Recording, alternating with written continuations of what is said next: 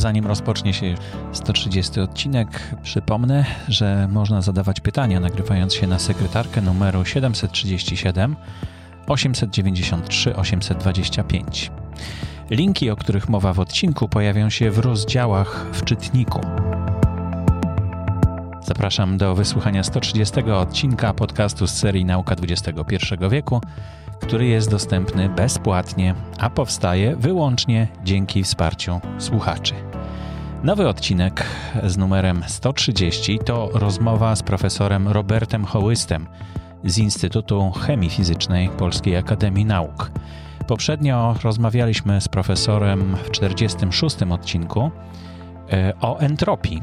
No i ten odcinek bardzo cieszył się dużą popularnością i często jak spotykam się ze słuchaczami, to jest wspominany właśnie ten konkretny odcinek, bo dał e, dużo do myślenia właśnie słuchaczom. Ja też z zaciekawieniem wtedy słuchałem tej audycji, a teraz no, naprawdę myślę, że też nie, nie, nie, nie będzie rozczarowaniem ten nowy odcinek, bo też jest bardzo interesujący i nie tylko o nanoplastiku będziemy rozmawiać. Wprawdzie to jest główny temat tego odcinka, i jest to kontynuacja takiej serii podcastów na temat zagrożenia związanego z zanieczyszczeniem środowiska, które powodują ludzie. Zapraszam gorąco.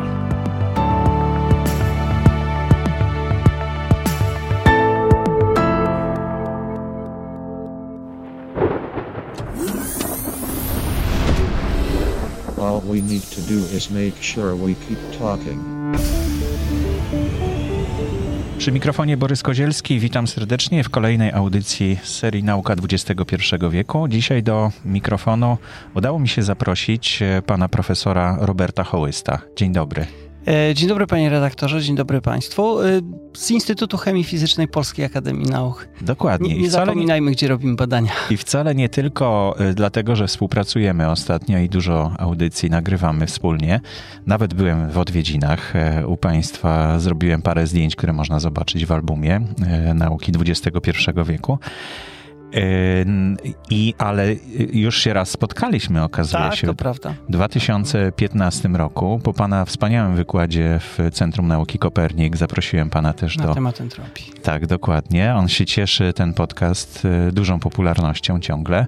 Ciągle dostaje sygnały od słuchaczy, że że, że to bardzo ciekawa audycja i dała dużo do myślenia. Nawet osoby, które, no nie wiem, są humanistami na przykład, mówią, no co tam, no dobra, no to to posłucham tej audycji, ale potem nagle oczy im się szeroko otwierają i zaczynają myśleć też w swoich dziedzinach zupełnie inaczej. To jest ciągle dla wielu osób bardzo tajemnicza, więc... A pojawia się od XIX wieku w prasie, więc znaczy, byliśmy tak straszeni entropią od XIX wieku, że gdzieś to zapadło w e, świadomość społeczną, że entropia prowadzi do chaosu i w ogóle jest zła. No ale to, to jest, jest, składnik naszego jest. życia przecież. Część od, natury. Od początku, od cały czas to w prawda. czasie ewolucji ona występuje. Ale dzisiaj nie tematem jest entropia. Chociaż pewnie gdzieś zahaczymy o, o, te, o te zagadnienia również, no bo to jest jak gdyby cała, całe nasze życie również. Pan Dzisiaj... redaktor się wstrzelił. No właśnie, bo powiedział pan, że otrzymał pan właśnie jakiś grant. Nie, złożyłem grant, e, który jest zatytułowany Nanoplastiki w żywych komórkach. E, a pan no, redaktor dokładnie. zaprosił mnie, żebyśmy porozmawiali o mikroplastikach. No Zaraz wyjaśnimy różnicę. Jedna, jedna z poprzednich audycji e, nosi tytuł Mikroplastik. Temat... Czyli taki plastik o rozmiarach od 100 mikrometrów, z grubsza, to jest grubość włosa ludzkiego, do kilku milimetrów. Mhm. Prawda? I to nazywamy mikroplastikami. Którego zjadamy co tydzień mniej więcej kartę kredytową, plastikową jedną. Nie, nie sprawdzałem zawartości swojego Średnio, żołądka. tak. Nie wiem, nie wiem jak jest.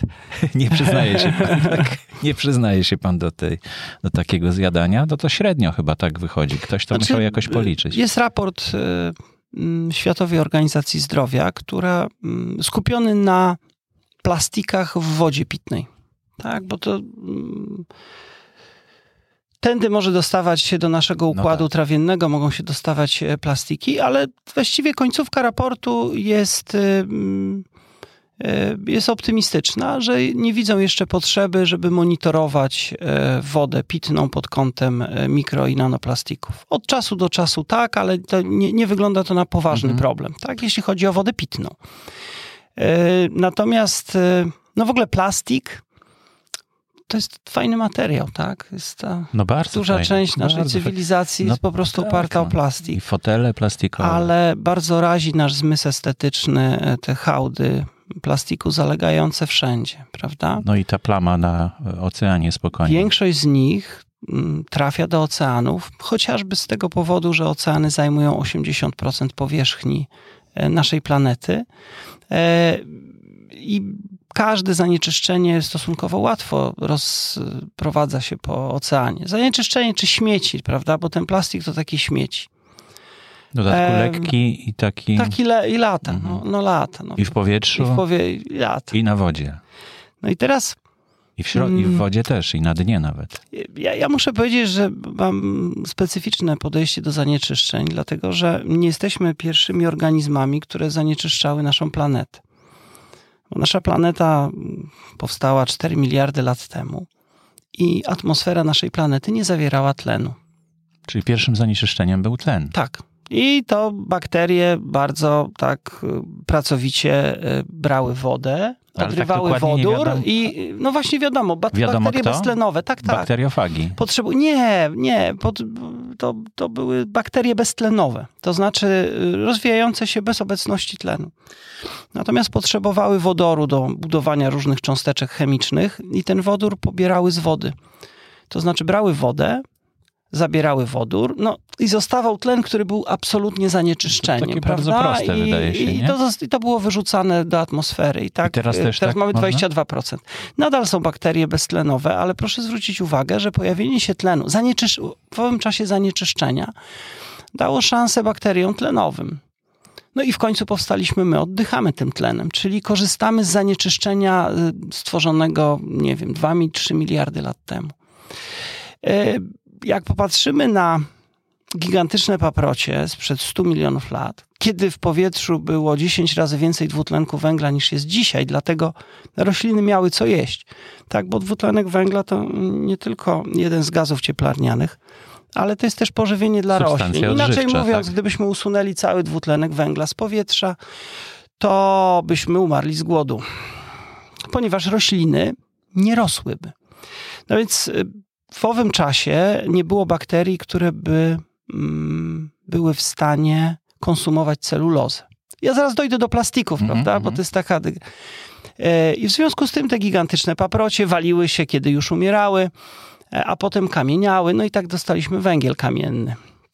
Dzisiaj już takiego węgla nie dostaniemy, bo jest dużo bakterii, które rozkłada celulozę, co widać po drzewach, na przykład w Białowieży, które leżą w lesie przez wiele, wiele, wiele lat i się rozsypują. No i teraz e, z plastikami mamy ten problem, że e, no nie ma bakterii, które by skutecznie rozkładały taki typowy plastik. Na razie. Ale prędzej czy później powstaną. Tak? No już I, e, podobno oblepiają ten plastik, już sobie tam no zamieszkują. To nie jest do końca, właśnie to nie jest do końca takie, nie zostało do końca zbadane, dlatego że nie było to traktowane jako problem. Tak? To znaczy mamy problem z hałdami śmieci, mamy problem z, z tym, że plastik zalega duże połacie oceanów. Znaczy duże, też nie przesadzajmy, tak? To znaczy rocznie produkujemy 300 milionów ton e, plastiku. Mhm. Jakbyśmy sobie to chcieli wyobrazić, to w miejscu, gdzie ma podobno powstać naj, najwyższy budynek e, w Europie, czyli Warsaw Tower, tak? ma mieć około 300 metrów. No to wyobraźmy sobie, że ten budynek u podstawy miałby kilometr na kilometr, tak? i wysokość 300 metrów. To tyle plastiku rocznie produkujemy. No a kilometr, jakby kilometr budynku, żeby sobie wyobrazić, to trzeba pojechać do Gdańska i obejrzeć sławny falowiec. Ma 860 metrów długości. Kilometrowy, jeden jest dłuższy e, budynek w Europie, jest w Wiedniu i ma ponad kilometr długości. No to taki kilometr na kilometr o wiele piramid Cheopsa by się zmieściło w Na tej Kijowskiej ilości. w Warszawie mamy pół kilometra Pół kilometra. O, pięknie. 500 metrów mhm. też godny, godny dystans. E, no i wracając do tych plastików, e, no łatwiej nam się żyje z plastikiem, taka jest prawda. Natomiast mówię głównie to, co nas bardzo razi, to jest y, obecność w miejscach, w których nie chcielibyśmy go widzieć, na przykład w lesie, na jeziorze. Tutaj obok kanałku przechodziłem. y, Obok, Przy Myśliwieckiej. Tak, tak. Mhm. I, I takie były brzydkie torby plastikowe w środku i tak pomyślałem sobie, że kiepsko to wygląda. E, Ja myślę, że na, na pewno warto byłoby się zastanowić, jak przerabiać plastik, tak, żeby to w ogóle. No, że nikt moje, moje wziął. dziecko, moje dziecko kiedyś miało 8 lat i nazywało kogoś śmieciarzem. Ja mówię, synku, ja bym chciał, żebyś ty został śmieciarzem. Dzieciak się zdziwił. Ja mówię, i żebyś wymyślił sposoby przerabiania odpadów, tak, żeby z nich można było robić ponownie użyteczne materiały dla naszej cywilizacji. Byłbyś najbogatszym człowiekiem na Ziemi. No to wziął sobie to do serca i e, poszedł na ekonomię. E, I wracając teraz do plastików. Co się dzieje z plastikiem w dłuższym okresie czasu? Już wiemy, że biologicznie e, nie ma organizmów, które by go skutecznie rozkładały na, no de facto na atom. Mhm. Tak, koniec Czyli nie ma przeciwników w naturze. Nie ma, dokładnie, więc on sobie zalega. Natomiast e, przeciwnikiem plastiku jest e, ultrafiolet ze słońca. Zresztą przeciwnik naszej skóry, bo mm, to, co robi, to niszczy wiązania chemiczne, odrywa atomy od atomów, tak z grubsza, tak? bo ma odpowiednią energię.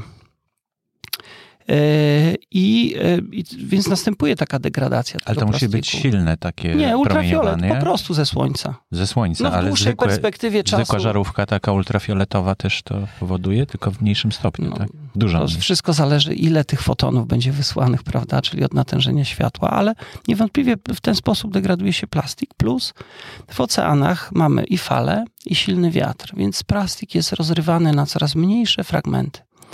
I taka niedawna praca, bo z 2019 roku chyba naukowców norweskich pokazała, że ostatecznym losem plastiku jest nanoplastik. Czyli takie cz- cząsteczki plastiku y, o rozmiarach mniejszych niż tysiąc razy, znaczy tysiąc razy mm, mniejsze niż grubość włosa ludzkiego. I to są nanoplastiki. No i teraz o tych nanoplastikach coś, Czyli co jeszcze dalej? o rząd wielkości mniejsze niż mikroplastik. No, wi- nawet bym Kilka powiedział, rzędów. że nawet kilka rzędów wielkości mniejsze.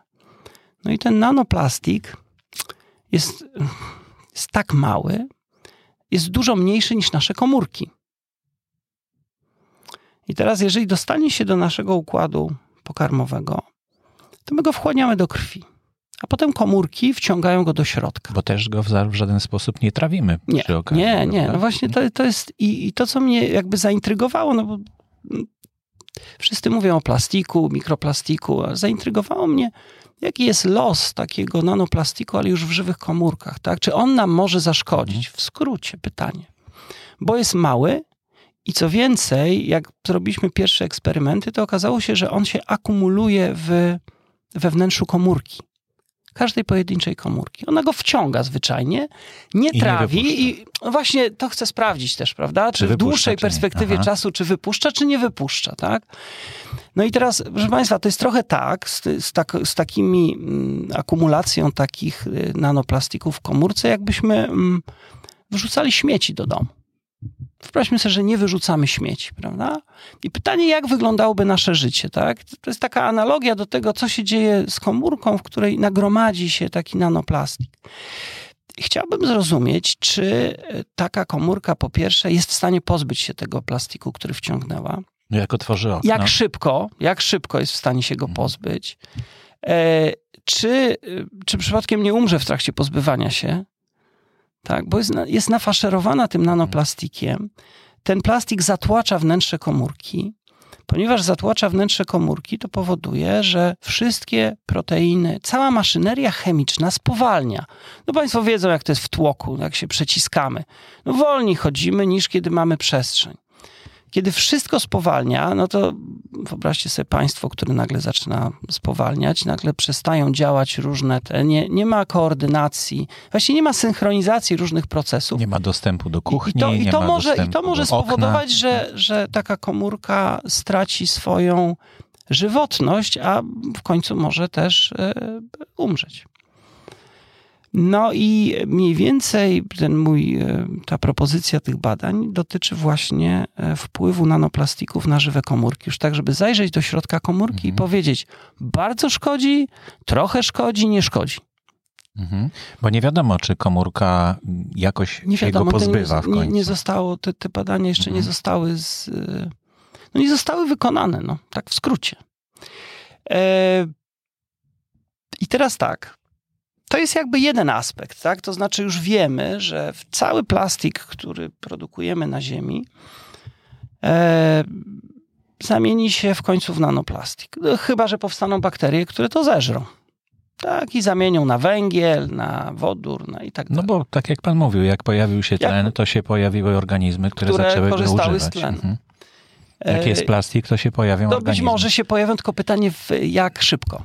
Tak, dlatego że przez e, setki milionów lat jednak te wielkie paprocie waliły się, a bakterii, więc może się pojawią za 100 tysięcy lat, no tak. a może za milion, a może za dwa miliony, tego nie wiem. No a plastik też się jakoś tam rozkłada. bardzo dużo też.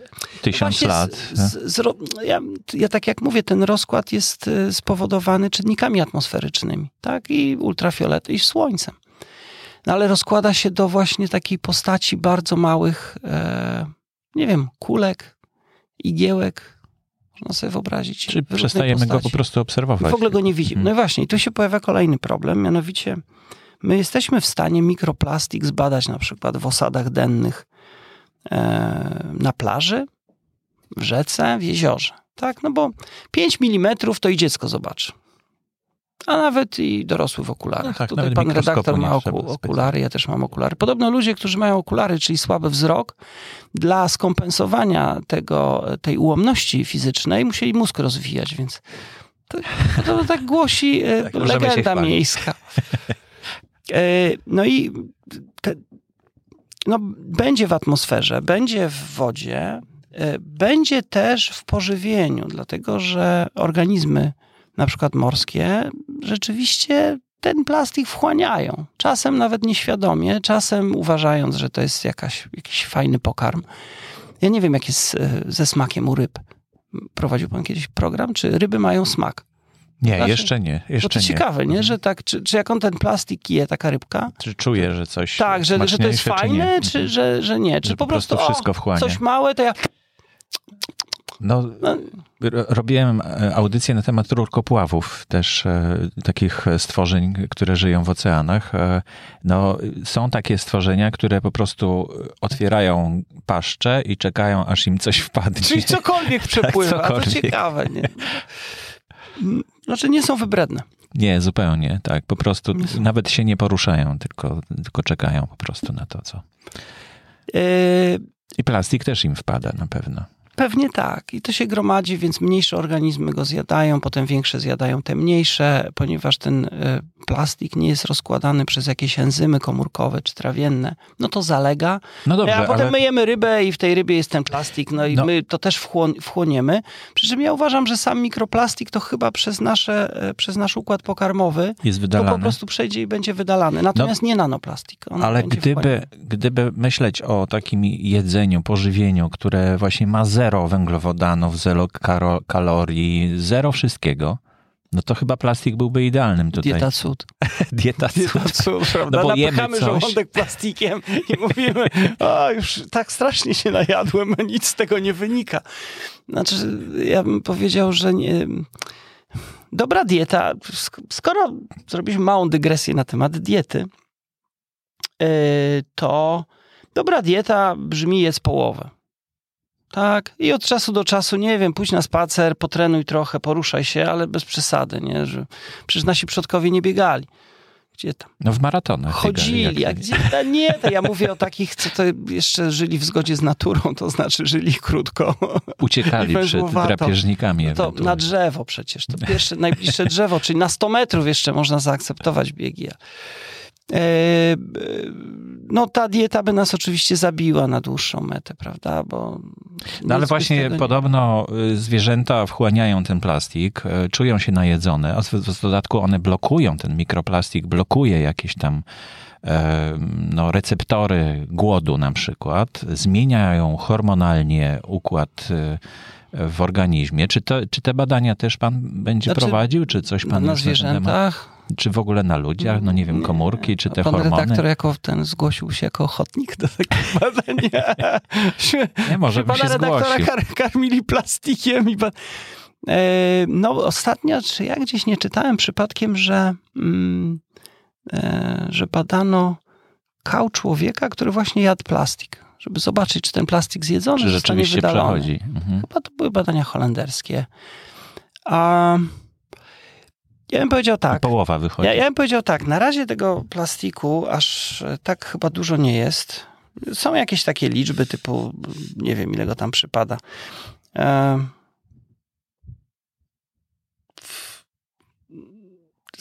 mogłem podać stężenie, chociaż e, to już No dla podobno, chemików. podobno w butelce y, litrowej wody y, butelkowanej jest kilkadziesiąt y, tysięcy takich cząstek. Znaczy w osadach, znaczy, bo to jest jeszcze jedna rzecz, że jeżeli mamy butelki plastikowe, to one też trochę plastiku odpuszczają. Mało, malutko, bo malutko, ale troszeczkę. Odpuszczają to znaczy? No, że z powierzchni odrywają się te fragmenty no tak. plastiku. Mhm. Czyli one po prostu same generują Tak, to, to można, plastik. nawet kiedyś pamiętam, że mieliśmy takie plastikowe wężyki do dosyć czułych eksperymentów, jeśli chodzi o zawartość e, czegoś, co pływa w wodzie i jest Mhm. małe. No i było widać, że rzeczywiście... Odrywają się Tak, ale tego jest strasznie mało. E, Aż tak bym się nie przejmował. E, Mniej więcej szacuje się, że e, takie powiedzmy mikroplastiki o masie 5 mikrogramów. E, No to Państwo byście nie zobaczyli tego na łyżeczce. Tak, No nie, jakby to, no. prawda? 5 mikrogramów nie byłoby widać. No to podobno w taki kilogramie osadu dennego jest mniej więcej 100 takich cząsteczek, więc to nie, nie jest tego dużo. E, No będzie rosło wraz z rozwojem naszej cywilizacji, bo plastiku będzie coraz więcej, będziemy wyrzucali, ale ja przypuszczam, że wzdłuż tej drogi w końcu zacznie się opłacać przerabianie plastików. Tak, że, że no, No ja myślę, że już sobie ostrzą zęby, prawda? Bo to jest, Przedsiębiorcy, bo to za darmo to jest jest. pieniądz. To jest za darmo To jest za darmo i materiał. to jest materiał za darmo i to jest... Z tym, że niestety jeden z problemów takich plastików jest to, że one zawierają bardzo dużo mm, też jakby dodatków różnych, prawda? To nie jest taki czysty materiał. Mam węgiel, tak? Albo Mam szkło, węgiel, prawda? czysty Mhm. węgiel. E, czy na przykład szkło. E, I co więcej, ten e, plastik, który ląduje w środowisku, on, ta powierzchnia może przyjmować e, różne postacie. Może lubić wodę, albo jej nie lubić, może się naładować. Nie wiem, czy Państwo e, mieliście kiedyś taką okazję zobaczyć, jak się pociera na przykład, a bursztyn, nie, bursztyn, plastik. Jak się pociera, to na powierzchni e, pojawiają się ładunki które sobie siedzą. To zresztą bardzo trudny problem naukowy, żeby to zbadać. Naprawdę. Nie, nie, do, Mhm. do niedawna to nie bardzo było wiadomo, co tak naprawdę stabilizuje. Dlaczego ten ładunek się trzyma? Tak, no mm, powiedzmy, że mamy mm, elektrony, tak? I wiadomo, że minus nie lubi minusa, a plus nie lubi plusa, się będą odpychać. No a plastik jest Prawda? jedno, jedno, może- a się- jednobinarny, jak to się tam... Jednoimienny, znaczy Jedno- może się naładować jednym ładunkiem. Nie ma, No i to, co ma uderza, i to, co uderza, to człowiek się zaczyna zastanawiać, no to jak to się wszystko trzyma. No jeden z problemów, dlaczego, dlaczego baterie tak wolno się ładują? No bo w uproszczeniu, wpychamy tam te elektrony, wpychamy, a one się nie lubią. Tak, ja no mówię, się. nie, no to cholera, to trzeba i tak przymusić, no to zajmuje czas, no wiadomo, Coś że przymuszanie kogoś do roboty Tok- zajmuje Tokio czas. do, do metra, tak? Jak się wsiada. Jak Yy, wsiada. I teraz wracając do tych powierzchni, kiedy zmienia się charakter powierzchni, różne dziwne rzeczy się potrafią przyczepiać, tak? To znaczy, sam plastik może zgarniać wszystkie zanieczyszczenia organiczne. No mamy jakieś fenole, bifenole, są różne substancje organiczne, takie małe, zazwyczaj są szkodliwe dla naszego zdrowia, dlatego że jak się dostaną do organizmu, no właśnie, może wyjaśnić, co to znaczy szkodliwe dla zdrowia. Zawsze mnie uderzało, że przyjmujemy tak e, lekko. To jest szkodliwe dla zdrowia, ale co to znaczy, tak? No, jak mi ktoś obetnie rękę, to to też jest szkodliwe dla mojego zdrowia. A jeżeli ja na przykład, nie wiem, łyknę sobie bifenolu, to, to co to znaczy?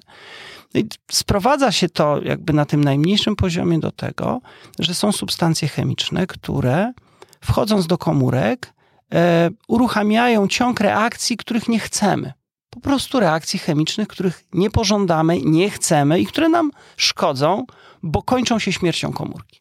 Tak, i to czasem jest tak, że substancje szkodliwe, amatorzy różnych używek, y, że blokują nam różne receptory w głowie, albo wytwarzają nowe receptory, Takie też jak alkohol, niepożądane. tak? Na przykład, tak.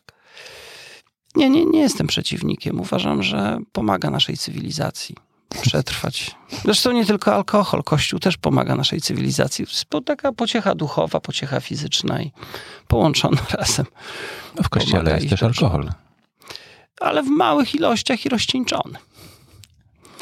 Yy, I teraz yy, na tych plastikach, które są w oceanach, mogą się też yy, adsorbować atomy metali ciężkich. W ogóle metale ciężkie, w ogóle met, metale ciężkie zwłaszcza, to są killersi. Dlatego, że metal ma to do siebie, że on bardzo łatwo odda elektron, weźmie elektron, no spokojnie, podzielę się z tobą elektronami, chętnie też od ciebie coś wezmę. A to jest dokładnie to, co jest potrzebne w reakcjach chemicznych, czyli metale generalnie odpalają wszystkie reakcje, które normalnie by nie zachodziły w organizmie. Więc e, należy unikać, no ale mogą być na tych powierzchniach plastików. Czyli tak, małe cząsteczki organiczne szkodliwe, metale szkodliwe, no i teraz powiedzmy ląduje to w naszym organizmie i wtedy Razem już nie chodzi. tak? Właśnie, już w tym momencie nie chodzi o sam plastik, tylko co na swojej powierzchni ten plastik niesie. Mhm. Czy to jest duży problem? Pewnie, jakby była em, pandemia plastikowa, tak, i ludzie by zaczęli umierać i stwierdzono by, że bierze się to z nadmiaru metali ciężkich, które były osadzone na plastiku, no to byśmy zauważyli problem. No ale nic takiego na razie nie ma miejsca, więc y, dmuchamy na zimne, prawda? Sprawdźmy to. Warto sprawdzić. Warto po prostu zobaczyć, czy to jest realne zagrożenie, czy to nie jest realne zagrożenie. E, My często, no właśnie nawet się ostatnio zastanawiałem nad osobami, które się nie chcą szczepić i pomyślałem sobie, że to wynika z być może z jakiegoś takiego strachu i dużych pokładów nieufności. Także przecież my nie wiemy, co nam wstrzykują, prawda? Nikt z nas nie zbadał. My wierzymy na słowo, że producent chce na tym zarobić, a nie zbankrutować. To jest dobra motywacja, prawda? Więc ja zakładam, bo że jak- bra- gdyby, gdyby wstrzyknął coś, co spowodowałoby naprawdę poważne problemy u ludzi, To by stracił. nie, to by zbankrutował. No, Gigantyczny zbankrutował, konkret, y, koncern poszedłby z torbami. Więc ja mam zaufanie do ludzkiej chciwości, że jednak chce zarobić. Podobnie z McDonald'sem, prawda? Też jeśli coś tam będzie trujące. Prawda? Coś nie tak, więc, więc jakby od tej strony patrząc. Ale warto, mówię, dmuchać na zimne, tak? Martwi mnie inny taki nasz strach poza mikroplastikami, to jest klimat i bardzo mi martwi, że patrzymy na dwutlenek węgla, a nie patrzymy na wodę. My wody produkujemy więcej. Jak jedzie samochód i spala benzynę, to przecież tej wody idzie w atmosferę mnóstwo. No i nikt się nie martwi, bo padają deszcze, ale czy wystarczająco? No to tak jakbyśmy wzięli wannę.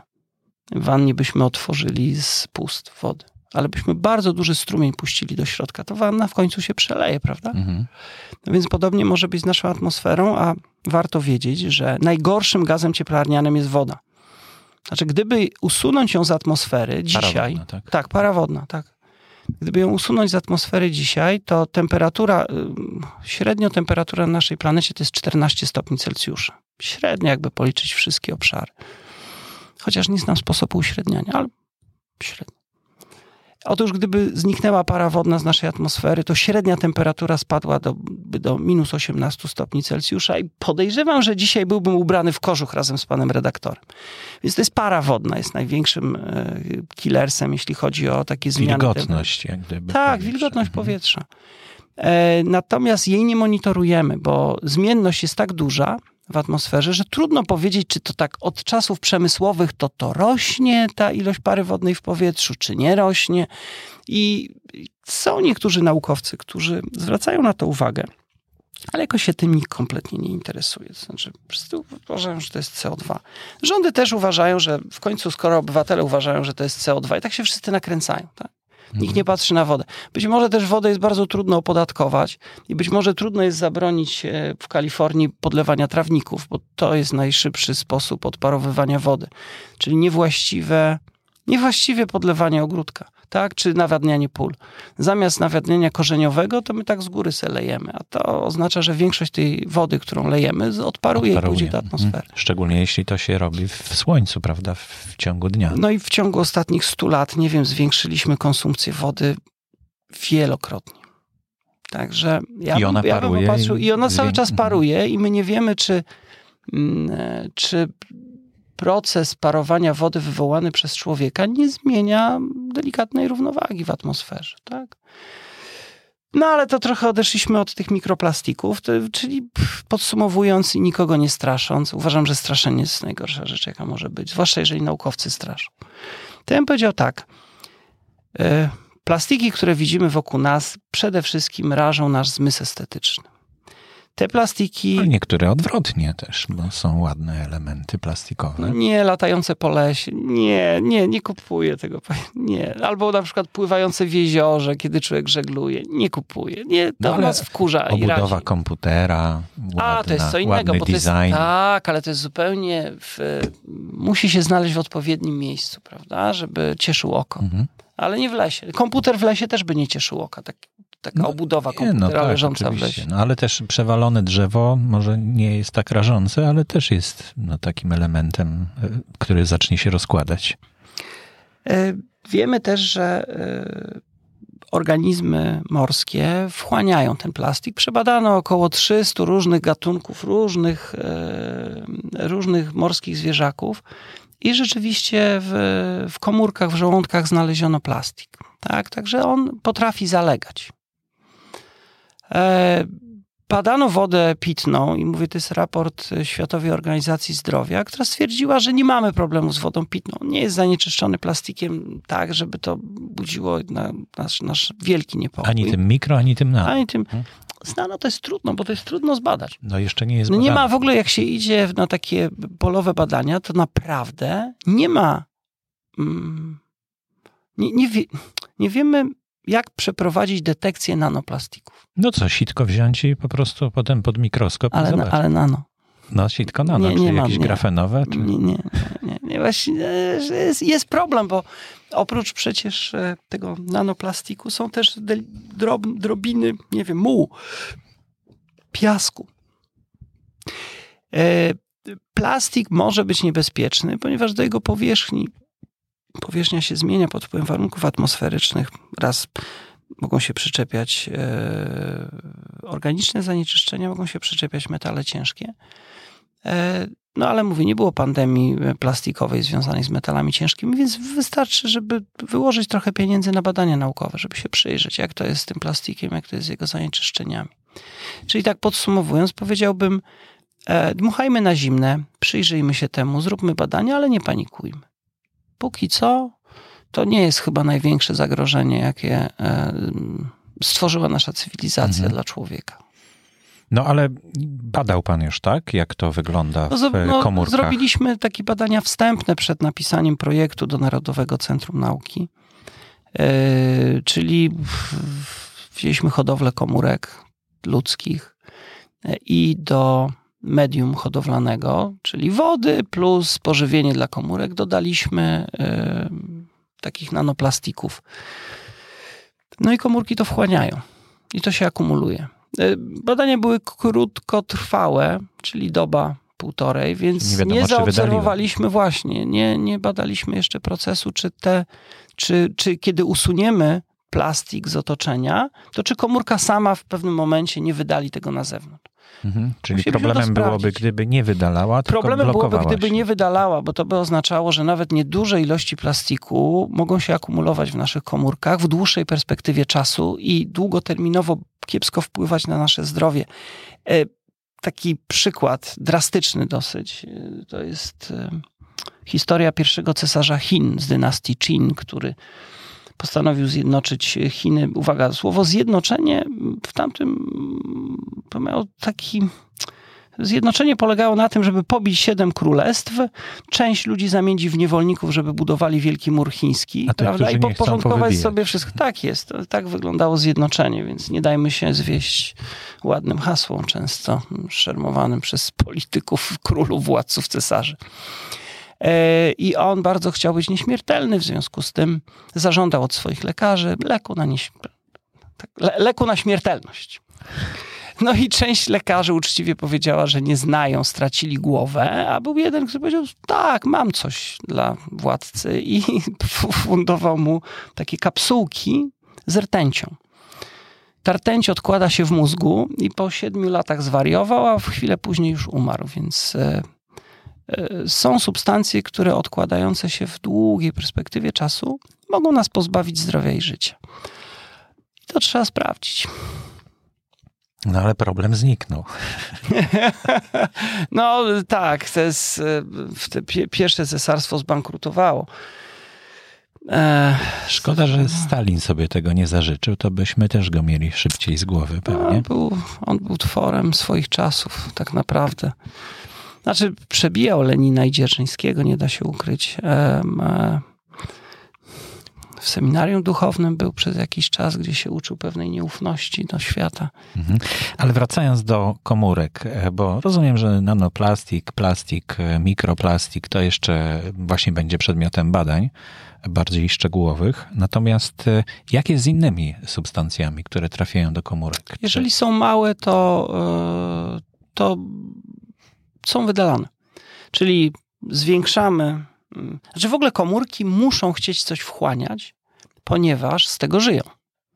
No, prawda? Muszą się jakoś utrzymać tak. i rozwijać też. E, I założenie jest takie, że jak coś jest małe, to może być fajnym pokarmem, przerobię to na coś, a w środku, w komórce jest bardzo dużo enzymów, które no, wyspecjalizowały się w cięciu tego, a w cięciu tego, prawda? Jeszcze drobniejsze fragmenty, z którego potem można składać takie substancje mhm. chemiczne, jakie sobie życzymy. Czyli porównując to do mieszkania na przykład, dostajemy nie wiem, e, jakiś materiał i tak, możemy tym możemy, sobie wyłożyć ścianę, tak? Przy, Tapety. Tak, możemy sobie zrobić półkę, możemy sobie zrobić szafę, jeżeli tego jest dostatecznie dużo. A jak się nie przydaje, to wyrzucamy. Tak. No więc y, jeśli czegoś jest dużo w ogóle w otoczeniu, to bardzo często komórki y, no, wchłaniają to, a potem y, w procesie ewolucji y, uczą się wykorzystywać. Tak?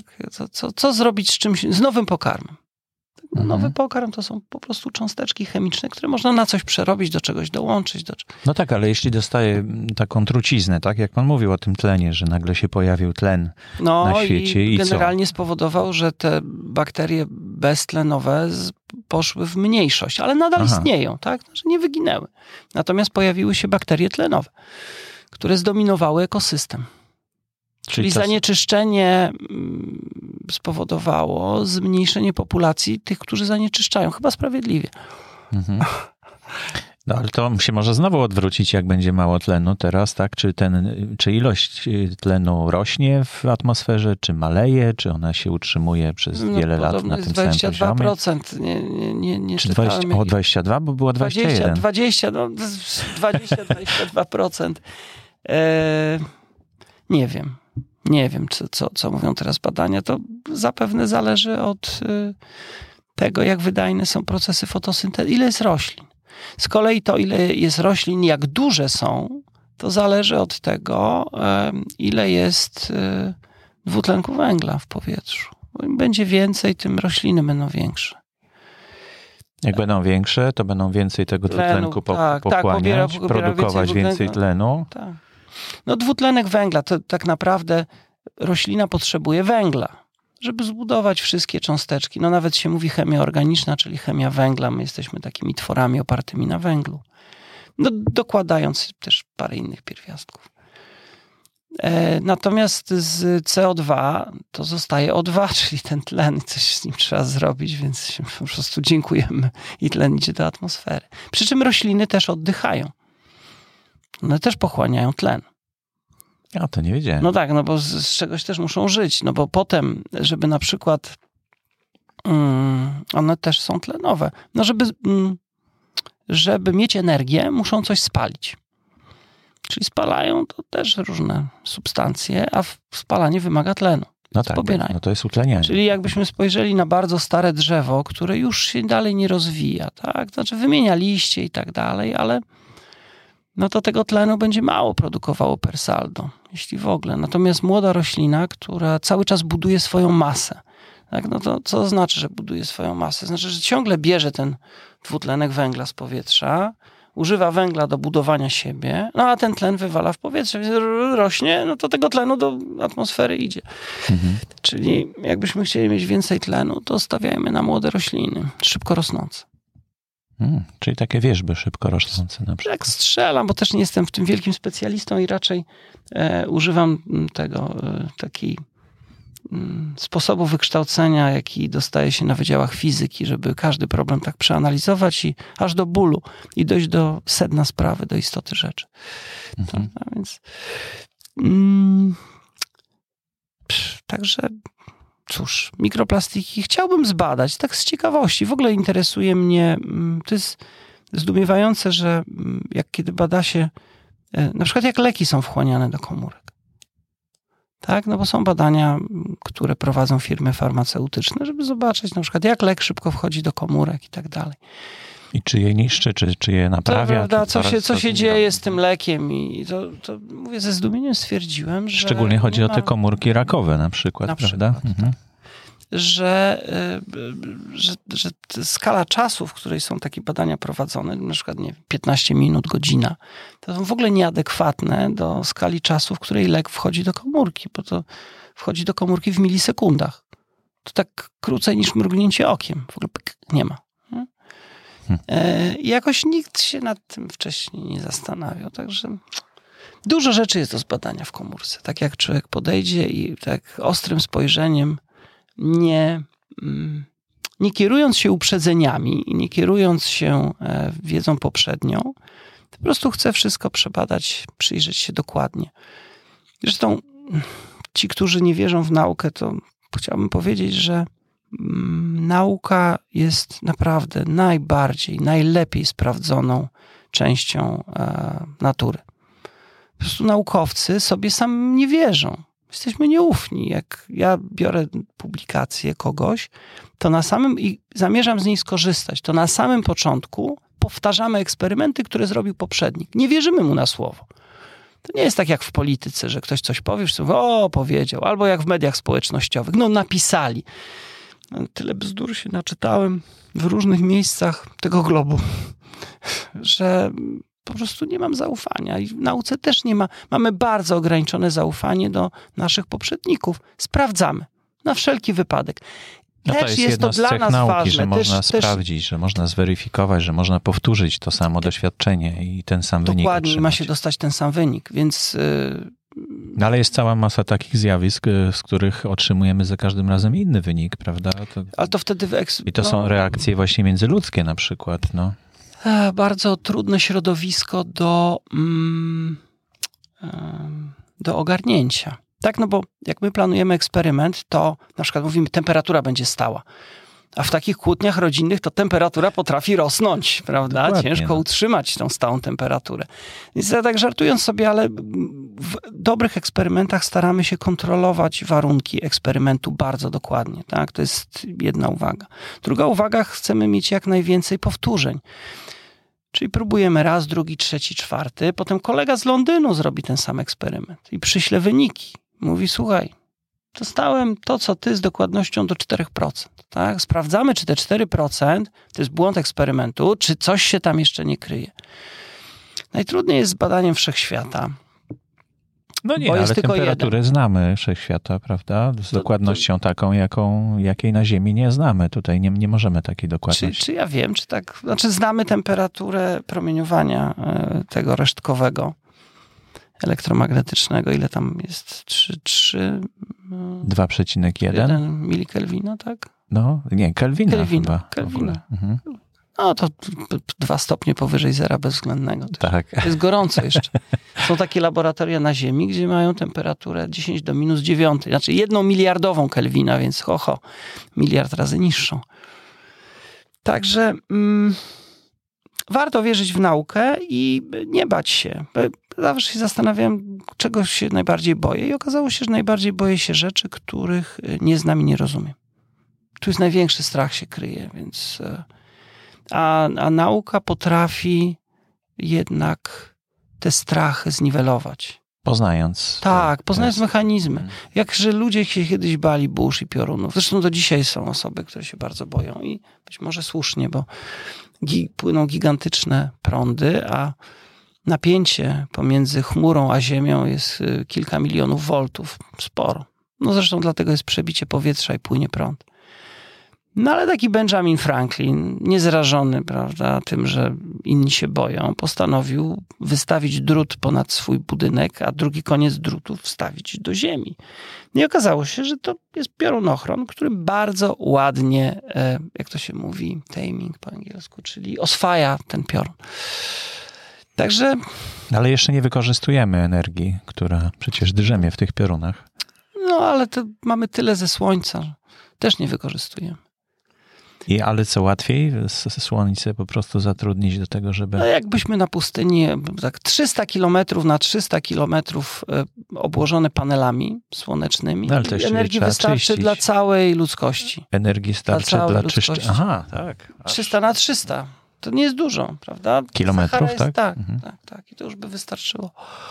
E, natomiast e, mamy raczej problem z magazynowaniem energii, a nie z brakiem energii. Energii jest po, po kokardę jest. Nie, nie, nie ma problemu. Ale problem magazynowania może zniknąć, jeśli będziemy stale mieli tą energię, prawda? Czyli wokół, Nie, ale, to, ale chodzi o coś innego. Chodzi o to, że te, te źródła energii, które znamy, e, takie ekologiczne, tak, typu wieje wiatr, tak, wykorzystajmy energię wiatru, albo walą pioruny, wykorzystajmy mhm. energię piorunów. Yy no, notabene pioruny ładują Ziemię, bo Ziemia to jest taki kondensator. E, I w czasie burz Ziemia jest ładowana, jak jest ładne powietrze, to jony płyną do chmur i Ziemia się rozładowuje. Nie zastanawiałem się nad tym, po co nam ten kondensator, ale jest. A, e, także... To takie dynamo wewnątrz Ziemi podobno jest. A to jest tak, to jest kręcące się e, stopione jądro zewnętrzne dzięki któremu mamy pole magnetyczne i dzięki któremu nie umieramy z powodu na przykład, nie wiem, wiatru słonecznego. Jakiś tam. E, no cóż, tak od, od, odpłynęliśmy trochę od tych mikroplastików, ale ja uważam, tak na samym początku wymieniliśmy parę uwag, że świat jest ciekawszy e, niż tylko mikroplastiki. Tak? Mikroplastiki są tylko jego częścią i to taką nie, może nie największą. No ale coś pan tam chce znaleźć. Chcę zobaczyć, czy, czy się, tak, w nanoplastikach, czy się rzeczywiście akumulują w naszych komórkach i czy to może być problem, tak? Żeby to bardzo dokładnie i tak, tak, zrobię te badania, a potem powtórzy stu innych naukowców i powiedzą, tak, one się gromadzą, na przykład gromadzą się, albo nie, nie gromadzą się, to nie jest problem. Ale czy na przykład rozwiązaniem jest dieta wegańska, czyli niespożywanie E, zwierząt e, i, i jak gdyby, no bo, bo nie wiem, mikroplastik czy, czy nanoplastik przedostaje się też do roślin, do, do tkanek roślinnych? Nie wiem. Nie wiadomo. Nie wiem, nie, nie, nie czytałem takich publikacji, skupiając się na oceanach, ale podejrzewam, że nanoplastik, jeżeli wchodzi do naszych komórek, to do roślinnych również może wejść. To nie, nie. Te komórki są, nawet roślinne często są większe niż nasze prawda, czyli niż zwierzęce. Chyba algi to są takie, mają największe komórki. No takie już, o, tu pokazuje mhm. taka ryba panu redaktorowi. Metr, tak. Taka ryba, taka ryba, duża komórka. E, nie no, świat jest ciekawy, mówię. Świat jest ciekawy, a nauka pozwala się nie bać. Po prostu. Tak. Czyli nie ma się co bać, tylko trzeba badać. Trzeba badać, mhm. dokładnie. Trzeba sprawdzać, trzeba e, pytać się. Trzeba, bardzo pomaga jak często słucham telewizji jakiejś, jakiejś debaty o, o czymś tam, no i ludzie tak wymieniają się uwagami, że to nam, to jest nie tak, to jest nie tak, ale rzadko kiedy liczby podają. Otóż wynikające z e, badań. Tak, i ważne jest to, żeby patrzeć, czy są liczby. Tak, otóż jeżeli liczb nie ma, to to pozostaje w sferze takiego gadania, no, gadu gadu. Natomiast jak ktoś twardo podaje liczby, to to już można zweryfikować mhm. i sprawdzić, czy ten człowiek naprawdę, czy, czy to jest pra, czy, czy liczba, którą podał, jest prawdziwa. Tak? Czy inni podają czy takie same oszacowanie, czy, czy też, że, że ten efekt jest na przykład taki, to czy to jest prawdziwe? No jeżeli się okaże, że się mylił, to możemy już kwestionować całą jego wypowiedź. Prawda? E, a politycy rzadko kiedy podają liczby. A unikają, to jest takie zawsze gadu-gadu. No, łatwiej użyć jakiegoś kwantyfikatora. łatwiej się pomylić, co? Jak człowiek nie, do końca nie ma pełnej wiedzy no, na temat zjawiska. Mhm. Dobrze, dziękuję bardzo w takim razie. Czekamy Wielka na przyjemność. efekty. Dziękuję, panie redaktorze. Za jakiś czas, tak 5-6 lat minęło od naszej poprzedniej audycji, może za jakiś czas już będą wyniki tego no, mam nadzieję. Się dosyć dobrze tego przygotowaliśmy. Tak interesuje mnie to. Znaczy też z punktu widzenia nie tylko samych nanoplastików, ale też w ogóle e, jak leki szybko wnikają, czy są wydalane, po jakim czasie, jak działają w komórkach, więc w ogóle wszystko na poziomie komórkowym, bo, bo tak naprawdę jak coś nam ba, naprawdę szkodzi, szkodzi, to wszystko zaczyna się we wnętrzu pojedynczej komórki. Tak? Tam się zaczyna to szkodzenie, a ja chciałbym się dowiedzieć, co to mhm. znaczy, że szkodzi. I tam mikroplastik się nie dostaje, ale dostaje się na się nano. nie dostaje, mhm. ale nano i owszem bo sam mhm. to zbadałem, więc mogę twardo powiedzieć, tak, akumuluje się w komórce, ale jeszcze nie wiem, czy przypadkiem komórka sobie z tym nie radzi i w dłuższej perspektywie czasu nie wywala tego przez mhm, okno. Mhm. Dobrze, to czekamy w takim razie i trzymamy kciuki, bo na razie jeszcze tego grantu nie ma, tak? Jest... No tak, to jest zawsze ten problem, ale to, to są konkursy, więc trzeba być i cierpliwym, i pokornym, tak? No jeżeli człowieka odrzucają, trudno, no może nie napisał tak dobrze. Może są ważniejsze badania są do zrobienia, badania. Tak? albo granty do, do przyznania. Dziękuję w każdym razie Dziękuję i do bardzo. usłyszenia następnym razem. Dziękuję.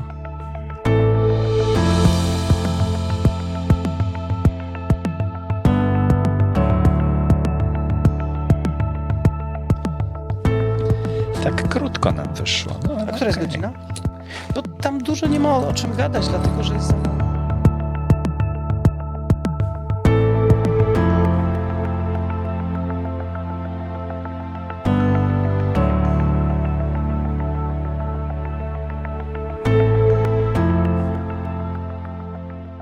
To był 130 odcinek podcastu z serii Nauka XXI wieku pod tytułem Nanoplastik, w którym rozmawiałem z profesorem Robertem Hołystem z Instytutu Chemii Fizycznej Polskiej Akademii Nauk w Warszawie. Y, przypominam o możliwości zadawania pytań y, do audycji. Można zadać to pytanie nagrywając się na sekretarkę numeru 737 893 825. Podcast Nauka XXI wieku jest dostępny bezpłatnie dla każdego bez reklam. Powstaje dla słuchaczy, a nie dla reklamodawców i nie na zlecenie Spotify. Jedynym źródłem jego finansowania jest wsparcie słuchaczy poprzez patronite.pl ukośnik Borys Kozielski. To dla mnie duże zobowiązanie i duża radość jednocześnie. Dostaję dużo listów od patronów, e, którymi podzielę się podczas specjalnej bonusowej audycji już niedługo, może jeszcze we wrześniu. Najhojniejsi z patronów to Kamil Bielówka, Aleksander Dębiński, Tomek Faber, Kamila Fornalik, Karolina Gorska, Dorota Kozielska, Rafał Kozikowski, Andrzej Lach, Aleksandra Lichaj, Piotr Prochenka, Tomasz Stasiak, Adrian Wiśniewski i kilku patronów, którzy chcą pozostać anonimowi. Moją misją jest przenieść słowa tych, którzy mają wiedzę i doświadczenie do tych, którzy chcą wiedzieć. Marzy mi się tworzenie audycji co tydzień, ale to praca na pełny etat i dlatego bardzo jestem wdzięczny patronom, bo przybliżają mnie swoim wsparciem do realizacji tego marzenia. Pozostałych słuchaczy, którzy jeszcze nie są patronami, proszę o wsparcie, które można zadeklarować już od 3 zł, jeśli tylko uważasz, że ten podcast i jego misja mają dla Ciebie wartość. Zapraszam do zapisania się na subskrypcję e-mailową Okienko do wklejenia e-maila znajduje się na dole strony podcasty.info ukośnik nauka oraz do kontaktu poprzez stronę na Facebook, a także przez e-maila boryskozielski małpa gmail.com. Żaden list nie pozostanie bez odpowiedzi. Podcast Nauka XXI wieku istnieje od 2010 roku. RSS i linki do subskrybowania znajdują się na stronie nauka.podcasty.info oraz w opisie podcastu. Polecam czytnik e, Pocket Casts do słuchania podcastów. Mm, teraz można kliknąć e, na link polecający ten odcinek podcastu i jak się kliknie na ten link, no to tam będzie instrukcja, jak zainstalować ten właśnie czytnik. Jest naprawdę bardzo dobry ma wiele funkcji, które są przydatne, szczególnie podczas słuchania podcastu, bo zapamiętuje miejsce, wyświetla chaptery, czyli obrazki, które pojawiają się podczas, e, podczas podcastu i linki też, e, w które można kliknąć i przenieść się w miejsce, do którego kieruje ten link, a także e, umożliwia bardzo sprawne i fajne zarządzanie pozostałymi podcastami. A jest tych podcastów trochę, nawet moich jest kilka. E, zapraszam do słuchania innych moich podcastów. E, lista ich znajduje się na stronie podcasty.info ukośnik Borys Kozielski. Najnowszy e, pod tytułem Nasze źródła to jeszcze tam go nie ma, ale niedługo się pojawi.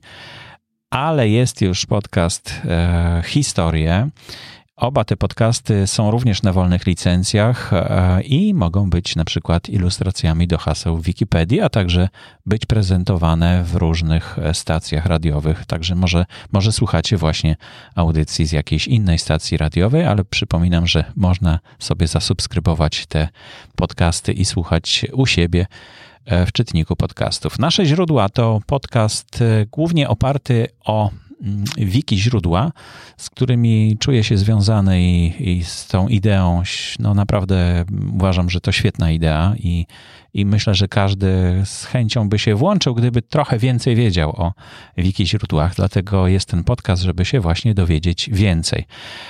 I był już jeden odcinek pilotażowy, jeden odcinek e, wrześniowy, i pojawił się też bonusowy odcinek, e, rozmowa z e, dyrektorem Biblioteki Narodowej na temat polona.pl, takiego portalu, do którego gorąco namawiam i zachęcam. Pewnie już korzystacie z niego. E, dyrektor e, Tomasz Makowski opowiadał o tym, czym jest Polona, jak powstała i jak będzie się rozwijać, i jakie są katalogi w Bibliotece Narodowej na stronach internetowych, z czego można korzystać. E, szykują się kolejne audycje, które będą publikowane co miesiąc, jako podsumowanie poprzedniego miesiąca w wiki źródłach, ale także odcinki bonusowe. Już się umawiam z kolejnymi rozmówcami na takie bonusowe odcinki, które prawdopodobnie szybciutko trafią do Wikipedii, do hasła w Wikipedii, tak jak e, odcinek e, z dyrektorem Biblioteki Narodowej, e, z panem Tomaszem Makowskim, trafił do hasła Polona. Także zapraszam gorąco do korzystania z tych innych podcastów. Tam jest dużo innych podcastów, ale te są takie żywe, które w tej chwili są na bieżąco produkowane. Jest jeszcze jeden e, Nauka dla społeczeństwa, taki cykl, który wymyśliliśmy wspólnie z profesorem Henrykiem Skarżyńskim dla Instytutu Fizjologii i Patologii Słuchu w Kajetanach.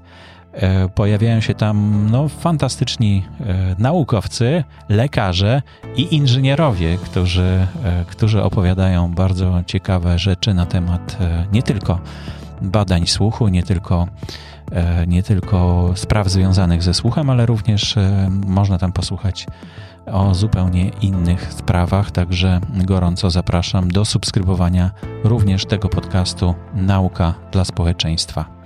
I to już wszystko na dzisiaj. Bardzo dziękuję, że zostaliście ze mną tak długo, aż do samego końca.